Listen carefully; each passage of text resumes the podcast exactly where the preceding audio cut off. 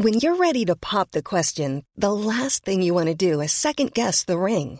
At Bluenile.com, you can design a one of a kind ring with the ease and convenience of shopping online. Choose your diamond and setting. When you find the one, you'll get it delivered right to your door. Go to Bluenile.com and use promo code LISTEN to get $50 off your purchase of $500 or more. That's code LISTEN at Bluenile.com for $50 off your purchase. Bluenile.com code LISTEN. Many of us have those stubborn pounds that seem impossible to lose, no matter how good we eat or how hard we work out. My solution is PlushCare. PlushCare is a leading telehealth provider with doctors who are there for you day and night to partner with you in your weight loss journey. They can prescribe FDA-approved weight loss medications like Wagovi and Zepbound for those who qualify. Plus, they accept most insurance plans. To get started, visit plushcare.com slash weight loss. That's plushcare.com slash weight loss.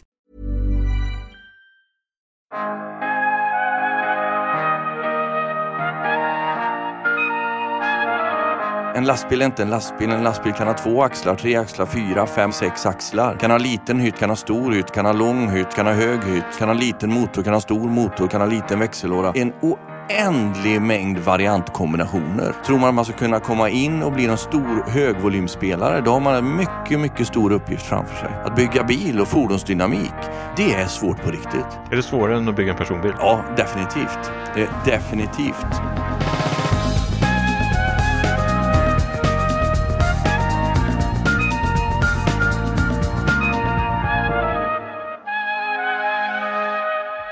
Hej och välkomna till podden Allt du behöver veta om ny teknik.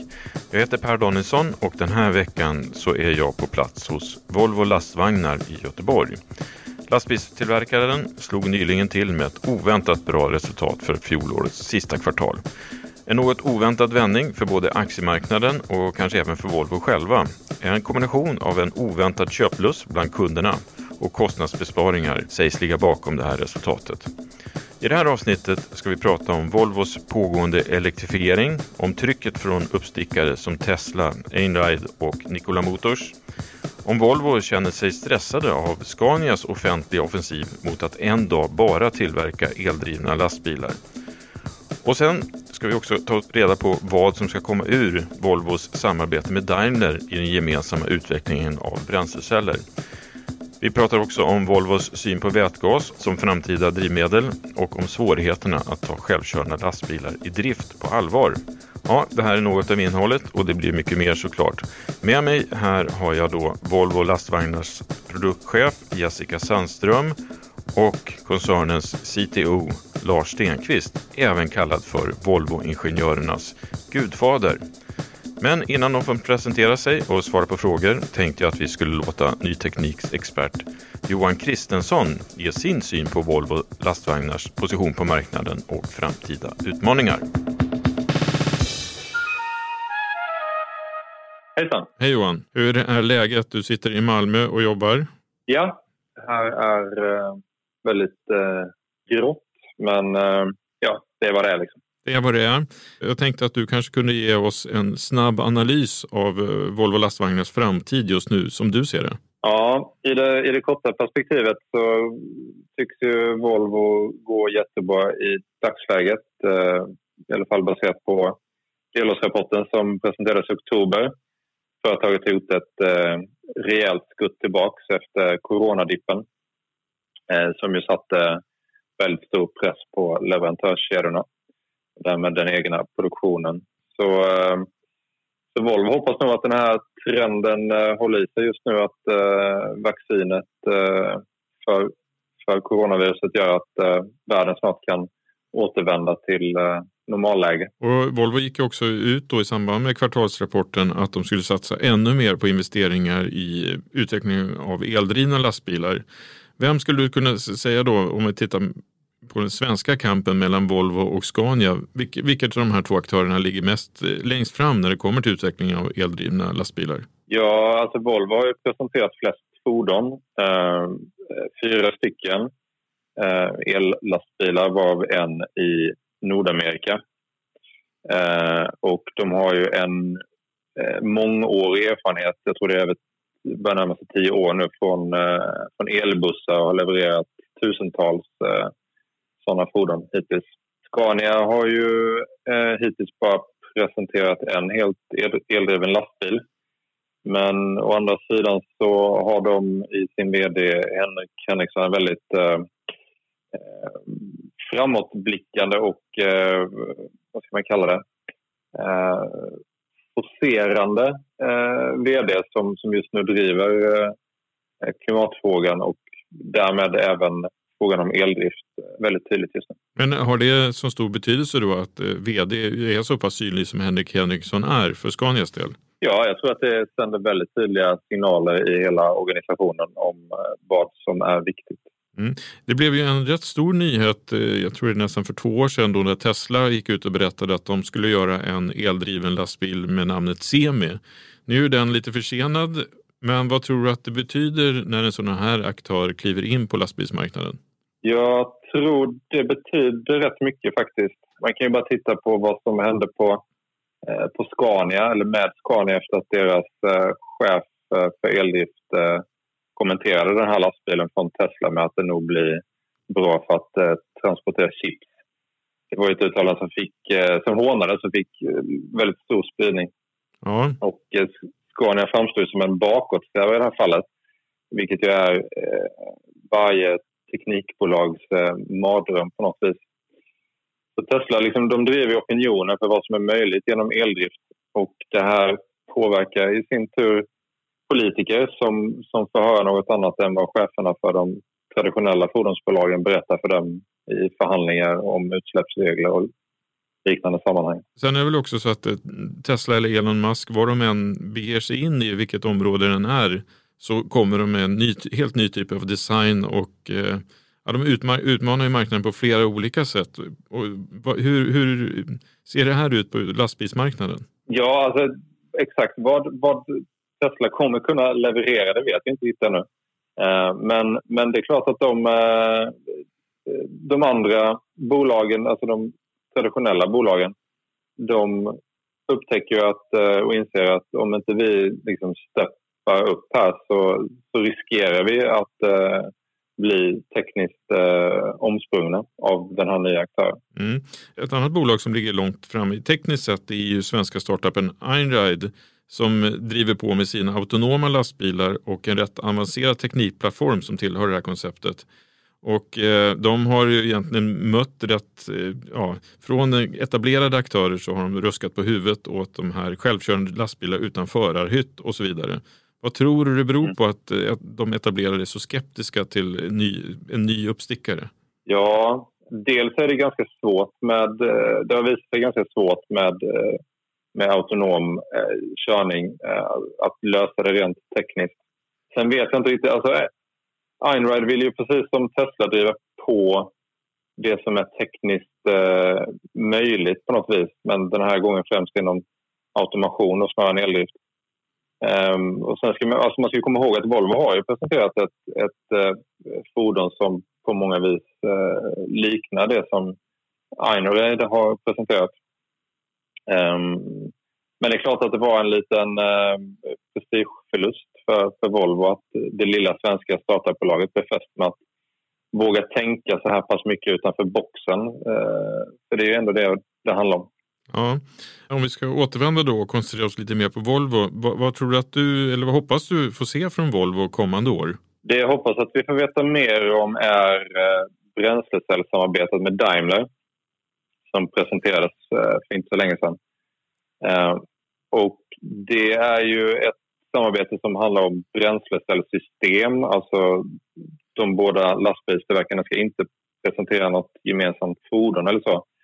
Men Eh, jag vill veta och är väldigt nyfiken på hur Volvo kommer göra för att eh, integrera de här bränslecellssystemen i sina fordon. Och eh, vad det kan få för eh, innebär för förändringar till exempel ja, men hur, hur de måste utforma fordonen med tanke på eh, aerodynamik och eh, andra typer av så här praktiska nu ska vi bygga ett fordon. Hur, hur måste vi göra det? Ja, ja, men den frågan ska vi definitivt ställa då till eh, Roger och Jessica. Är det någon annan fråga som du tycker att vi ska passa på att ställa?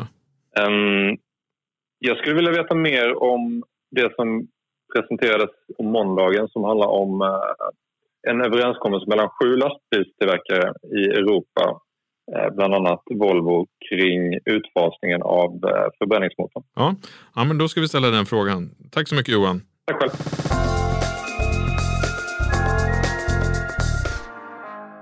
Hej och välkomna till podden Jessica och Lars. Tack så mycket. Tack så hemskt mycket. Roligt att ni är med. Innan vi startar tänkte jag att ni kanske kort kunde presentera er själva för lyssnarna. Vad, vad ni gör och varför ni är här egentligen. Vi börjar med dig då Jessica. Jag jobbar på Volvo Trucks som är det största affärsområdet för lastbilar inom Volvogruppen.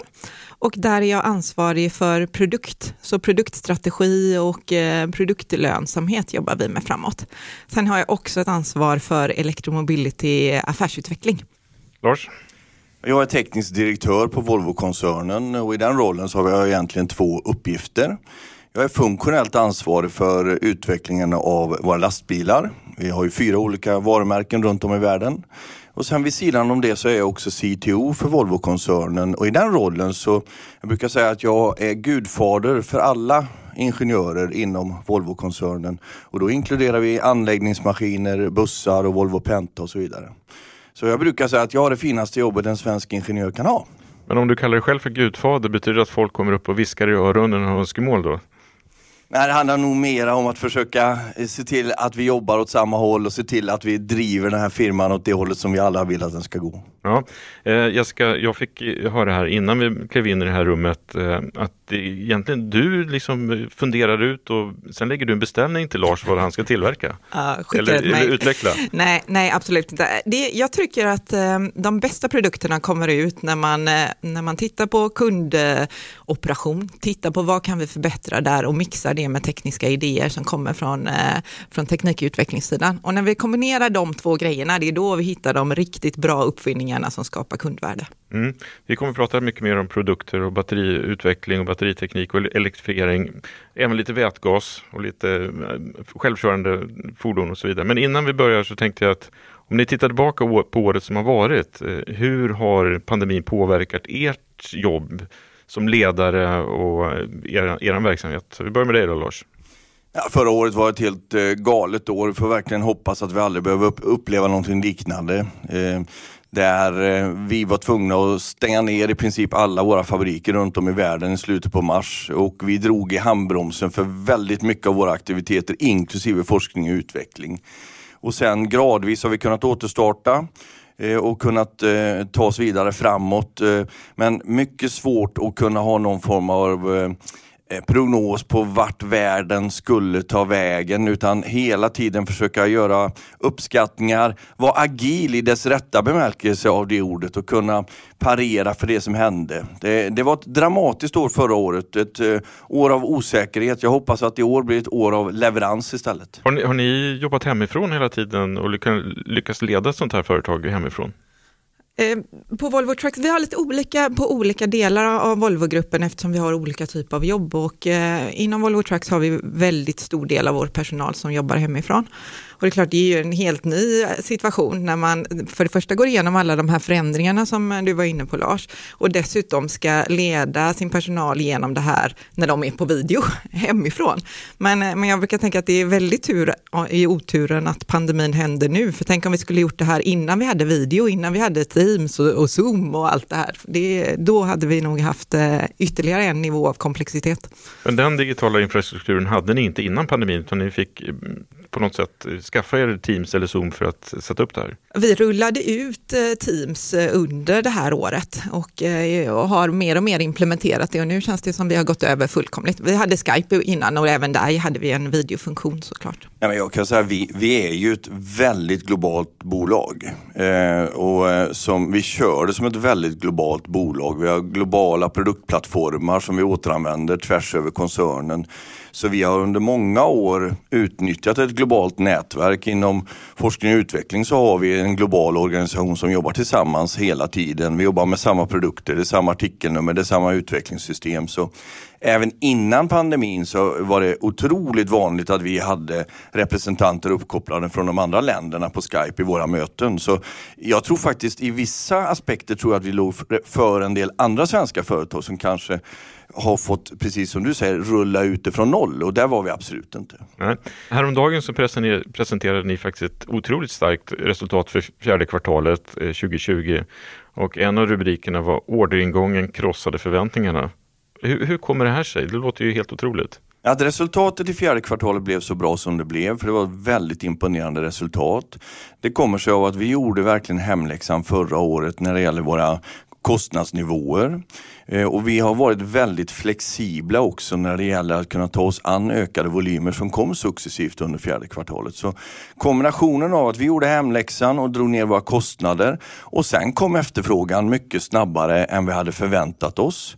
Eh, och den kombinationen den är egentligen den perfekta hävstången för att få ett bra resultat. Jag läste att eh, det var en liten, att e-handeln kunde ha en drivande orsak till att ni hade sålt fler lastbilar. Stämmer det här? Ja, det kan säkert vara en del, men vi har sett eh, ökningar i, i en rad olika segment.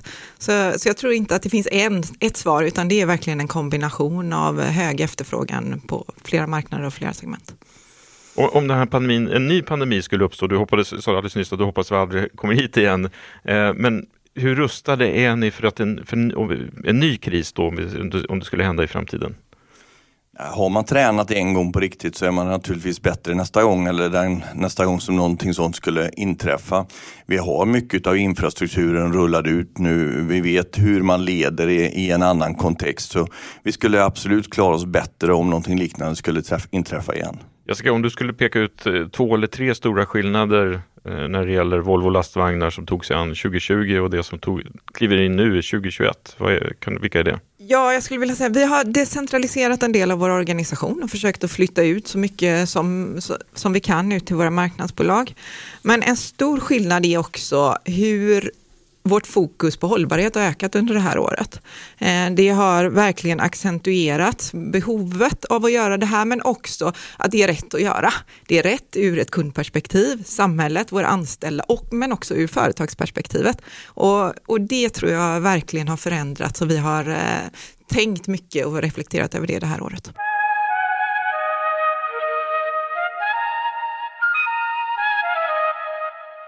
Jag tänkte att vi skulle ta några snabba fakta här nu. Eh, hur många lastbilar tillverkar ni per år?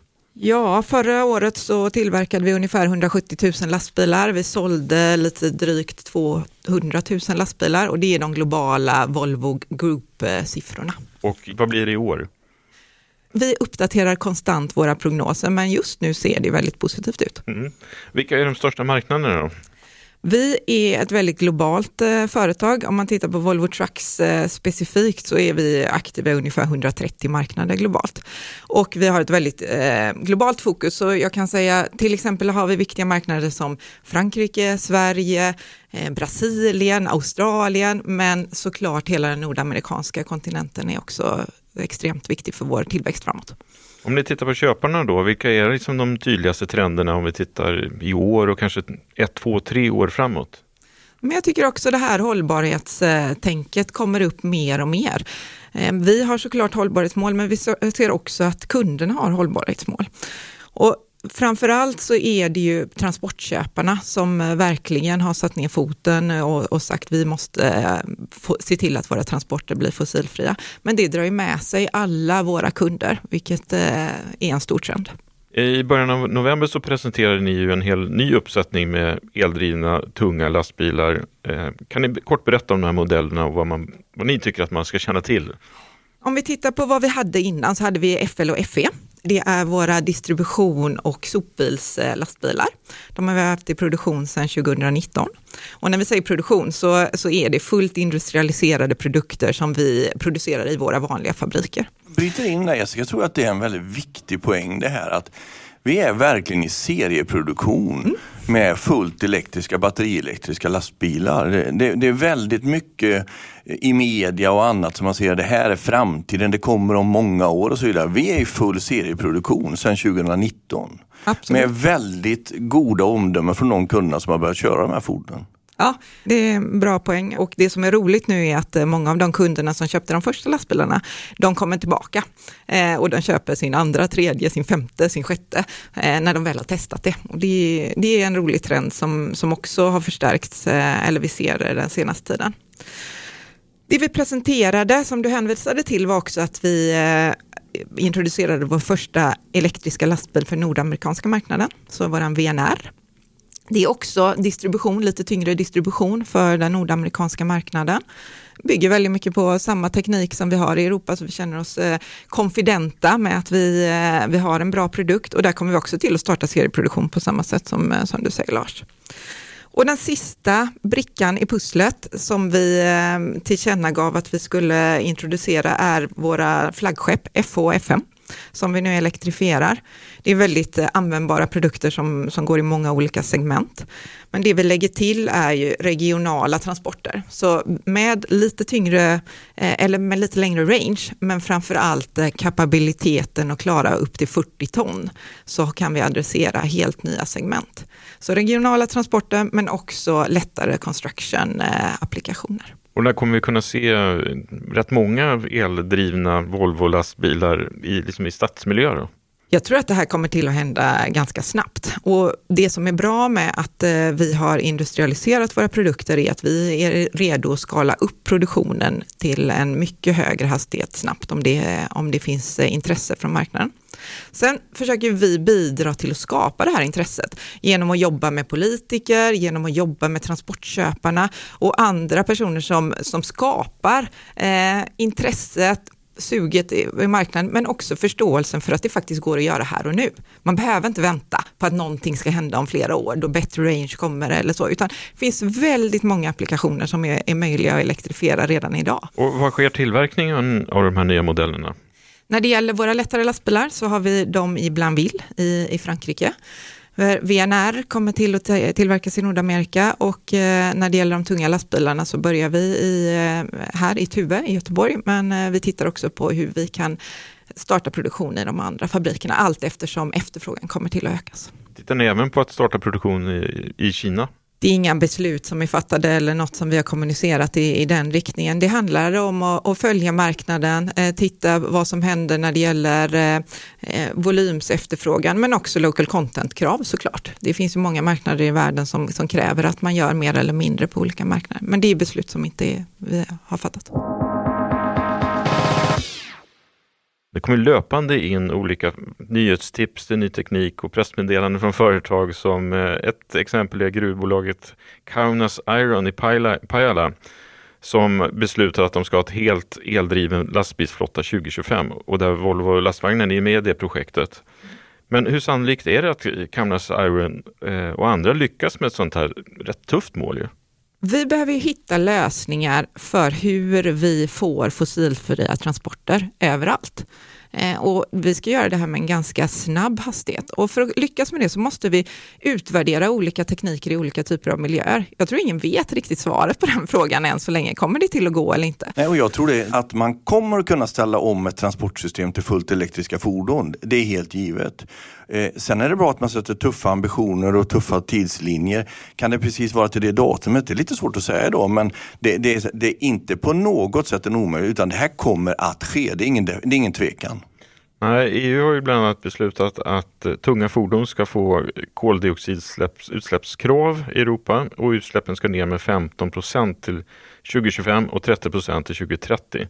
Och det här är från 2019 års nivåer. Kommer ni klara detta? Absolut, absolut. När de här kraven kom eh, så hade vi naturligtvis varit med väldigt mycket i förberedelsearbetet in, inför den eh, förordningen som kom. Eh, så det här kom inte som någon överraskning för våran del utan vi har haft det här i våra planer under många år. Om man tittar mot 2025 då kommer den absoluta majoriteten av fordonen fortfarande vara drivna av förbränningsmotorer. Och det innebär att eh, det stora eh, arbetet som vi gör mot 2025, det är definitivt att jobba vidare med att öka eh, verkningsgraden i våra förbränningsmotorer. Men att jobba väldigt mycket med fordon när det gäller aerodynamik, när det gäller rullmotstånd tillsammans med våra däcktillverkare att få ännu bättre däck och ta det vidare. Det finns otroligt stor potential. Väldigt mycket utav det här är mjukvarudrivet i fordonet och även kopplat till lösningar som ligger offboard. Men redan 2025 så kommer vi, vi räknar stenhårt med att redan 2025 så kommer fullt elektriska batterielektriska lastbilar och vara en starkt bidragande orsak till att vi jag vågar säga med lätthet klara 2025-målet. Om jag bara får lägga till också, vi, vi tittar såklart på EUs lagstiftning kring 2025 och 2030, men vad vi också har sagt är att vi ska, eh, vi ska uppfylla Parisavtalet och nå ett net zero på våran running population och 2050. Och det betyder att vi i praktiken behöver sluta sälja fossilberoende fordon 2040.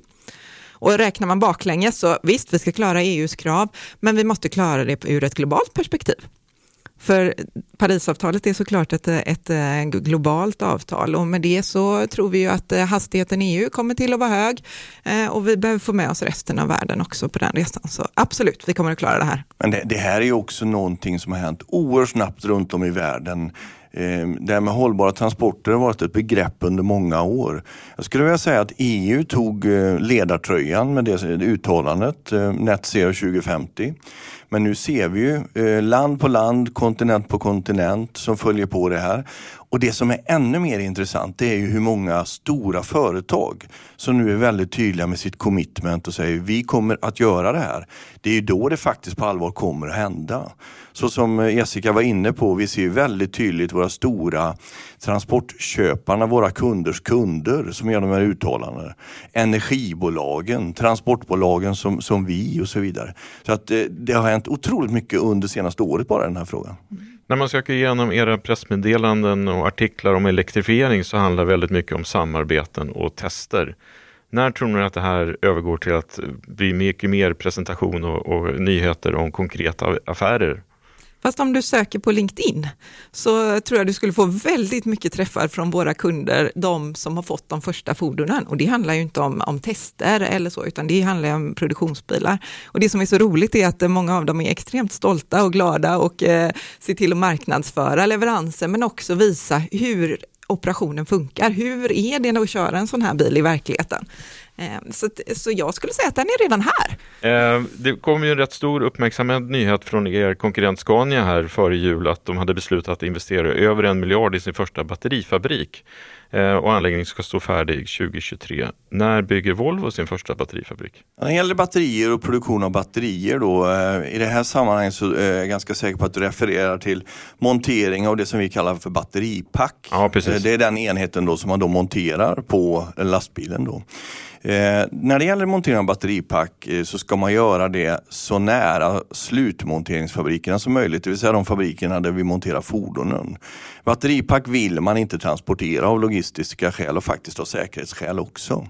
Och det innebär att vår strategi är väldigt tydlig. Vi kommer att ha monteringsanläggningar för batteripack i väldigt nära eller i direkt anslutning till våra monteringsfabriker runt om i världen.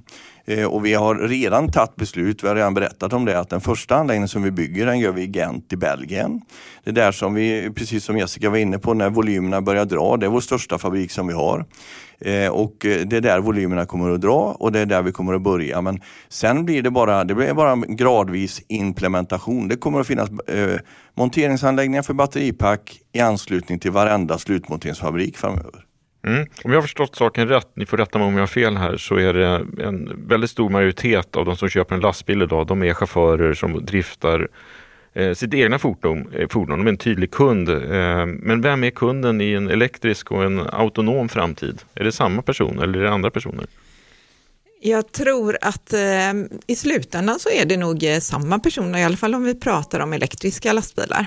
Men de och sin tur jobbar ju ofta för en transportköpare som eh, ICA, Ikea, Amazon, ja, det finns ju många, många inom det gebitet. Och det är klart att de får krav från, eh, från sin transportköpare om vad det är som krävs, till exempel emissionsfria transporter. Men då eh, till slut så är ju transaktionen mellan oss och, och, våran, eh, och våran slutkund. Ja, eh, just inom eldrivna lastbilar så dyker det upp rätt mycket nya, roliga, intressanta konkurrenter som är framåt och rätt synliga. Och jag tänkte att ni kanske skulle kommentera de här olika namn då på konkurrenter. Som jag säger Tesla Semi eller Einride eller Insile Absolut, om du säger dem tillsammans så säger jag så här att eh, vi ser definitivt att det är ganska många nya intressanta spelare som ger sig in i våran bransch. Eh, våran bransch har varit ganska skyddad under decennier. Eh, ingen har lämnat, ingen har tillkommit. Nu är det ett antal som vill ge sig in i våran bransch. Eh, min, min bedömning är att det finns säkert några av dem som kommer att lyckas. Eh, det vore rätt märkligt om de inte gjorde det. Eh, men många av dem som ger sig in i våran bransch, de ger sig in i tron att det är en ganska smal produkt som man ska utveckla och leverera. Och våran bransch, det är precis tvärtom. Det är skräddarsydda lösningar egentligen för precis varje kund. Eh, en lastbil är inte en lastbil. En lastbil kan ha två axlar, tre axlar, fyra, fem upp till sex axlar. Kan ha liten hytt, kan ha stor hytt, kan ha lång hytt, kan ha hög hytt, kan ha liten motor, kan ha stor motor, kan ha liten växellåda, ramstorlekar och så vidare. En oändlig mängd variantkombinationer. Och har du inte de variantkombinationerna, då är det en ganska liten del av marknaden som du kan attackera. Så om det är några som vill komma in och bli nischspelare, då är det mycket lättare. Tror man att man ska kunna komma in och bli en stor högvolymspelare, då har man en mycket, mycket stor uppgift framför sig. Eh, jag brukar också säga så här att jag är ödmjuk för en del av dem, de är väldigt duktiga på det som vi kallar för nya tekniker. Kanske batterier. Eh, men det som är intressant är att för dem blir ju just det som vi kallar för de välkända teknikerna. Att bygga bil och fordonsdynamik, det blir ju de nya teknikerna för dem. Och de kommer att lära sig den hårda vägen att det är svårt på riktigt. Är det svårare än att bygga en personbil? Ja, definitivt. Eh, definitivt. Eh, det är bara att titta på de påfrestningar som vi utsätter våra fordon med i våra riggar.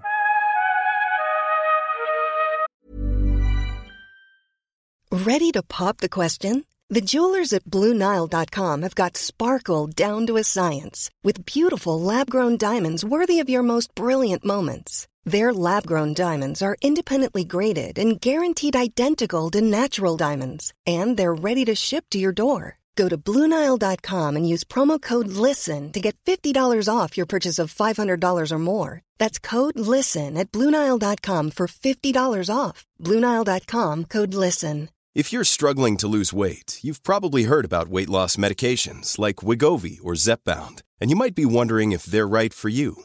Meet PlushCare, a leading telehealth provider with doctors who are there for you day and night to partner with you in your weight loss journey. If you qualify, they can safely prescribe you medication from the comfort of your own home.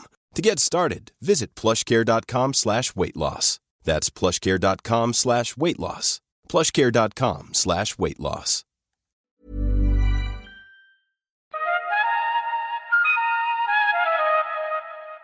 I fjol kom beskedet att ni betalar 6,5 miljarder kronor för att samarbeta med Daimler om bränslecellsutveckling. Och det här sker då bara två år efter att ni faktiskt sålde PowerCell. Eh, ångrar ni att ni sålde PowerCell? För att ta oss till fossilfria transporter så har vi eh, gjort bedömningen att vi behöver ha tre komponenter. Eh, det ena är batterielektriska fordon. Den andra är bränslecellselektriska fordon och den tredje är att vi tror att vi kommer att ha förbränningsmotorer som går på förnybara bränslen.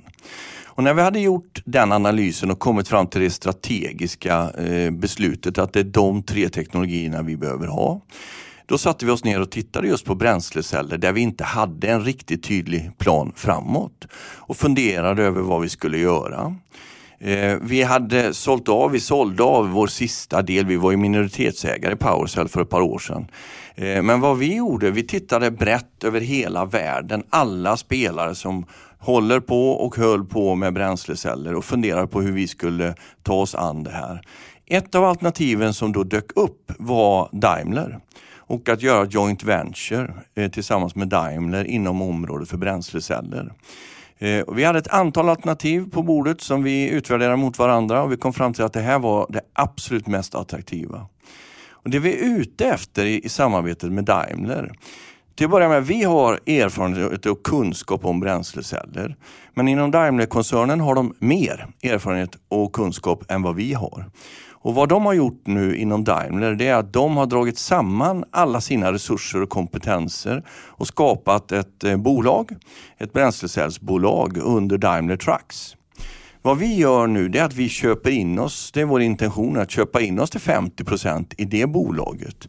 Vi köper ju egentligen in oss när det gäller IP, kunskap, det är det som vi investerar i. Och Tillsammans har vi då ambitionen att i det här joint venture så ska vi då utveckla bränslecellssystem som kommer kunna användas i våra fordon och i andra applikationer.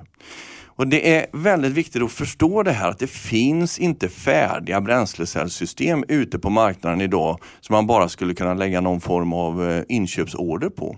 Som har den, eh, den prestanda som krävs för våra extremt tuffa krav som vi har i våra fordon.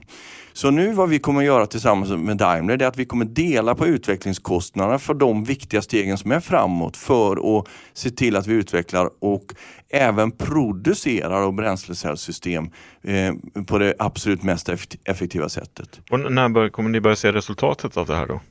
Vi, vi, kommer att se bränslecellsdrivna fordon i stor volym andra halvan av det här årtiondet. Och eh, en eh, fråga som jag fått med mig här från en anonym eh, läsare av Ny Teknik. Så han undrade, när säljer Volvo sin sista dieselmotor?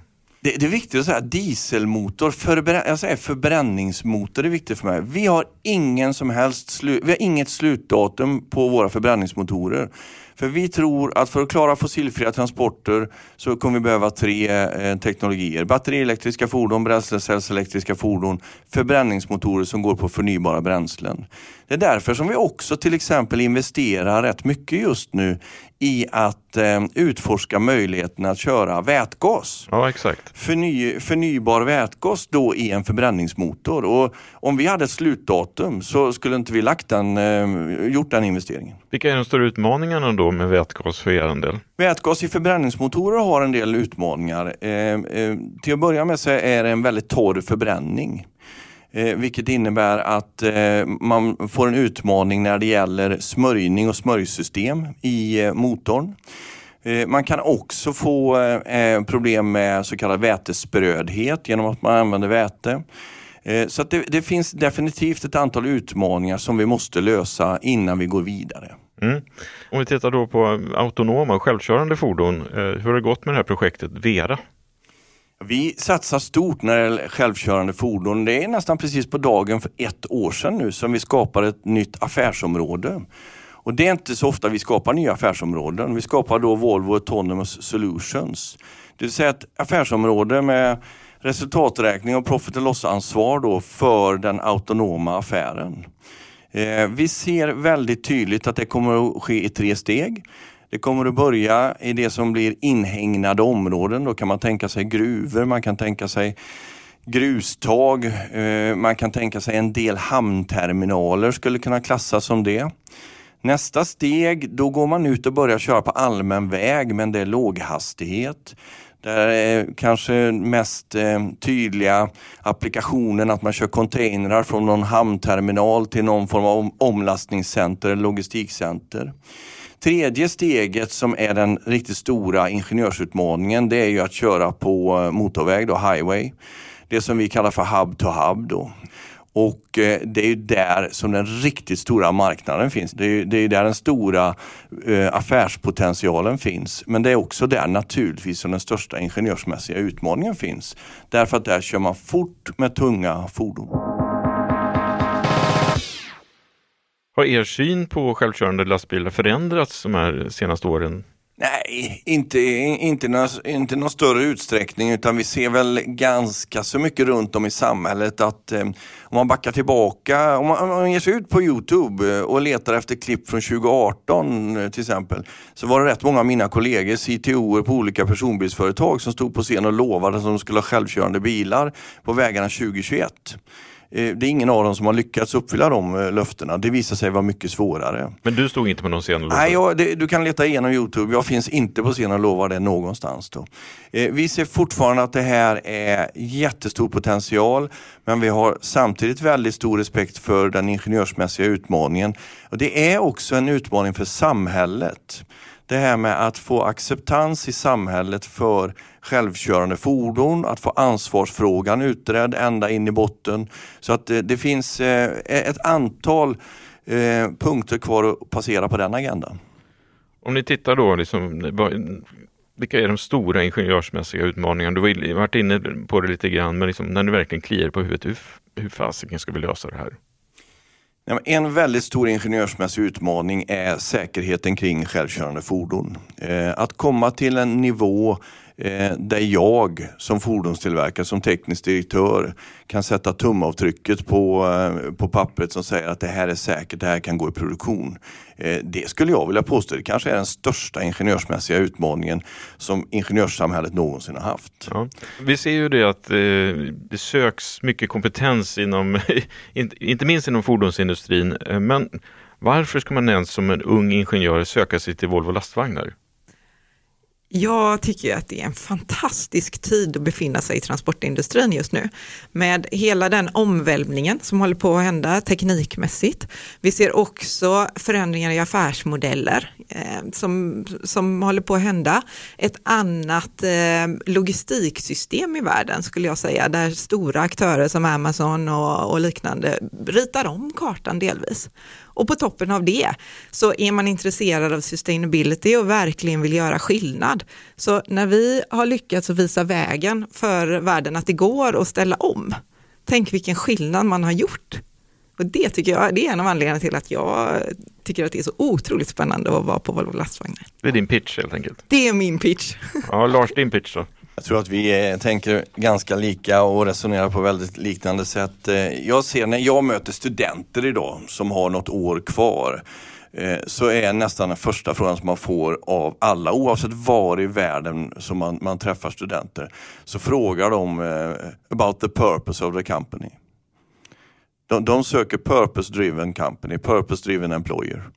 Eh, och jag känner så tydligt idag med våra tydliga målsättningarna vi säger. Vi, vi ska skapa det fossilfria transportsamhället. När man berättar vad vi har i pipeline, vad vi håller på med, Eh, så är det så tydligt. Jag behöver aldrig någonsin stå och småskämmas utan jag är superstolt över det budskap som jag berättar. För jag vet att när de går därifrån så säger de, det där var ett företag med ett syfte, där skulle jag vilja vara med på resan. Men det här är ett syfte som har kommit på de senaste åren för er, eller hur? Nej, jag kan säga att hållbara transporter och bygga det mest hållbara eh, transportsystemet har funnits i Volvos DNA under en otroligt lång tid. Men det är den stora samhälleliga förändringen som nu har fått det här att accelerera till hastigheter som vi inte ens var i närheten av innan det här hände. Stort tack för att ni var med i podden. Tack så mycket. Tack så mycket. Tack för att du har lyssnat på det här avsnittet. Har du tankar och funderingar får du jättegärna mejla till redaktionen nyteknik.se. Gör som tusentals andra och klicka gärna på prenumerera så missar du inget avsnitt av podden. Vi hörs nästa vecka. Tack så mycket. Hej hej!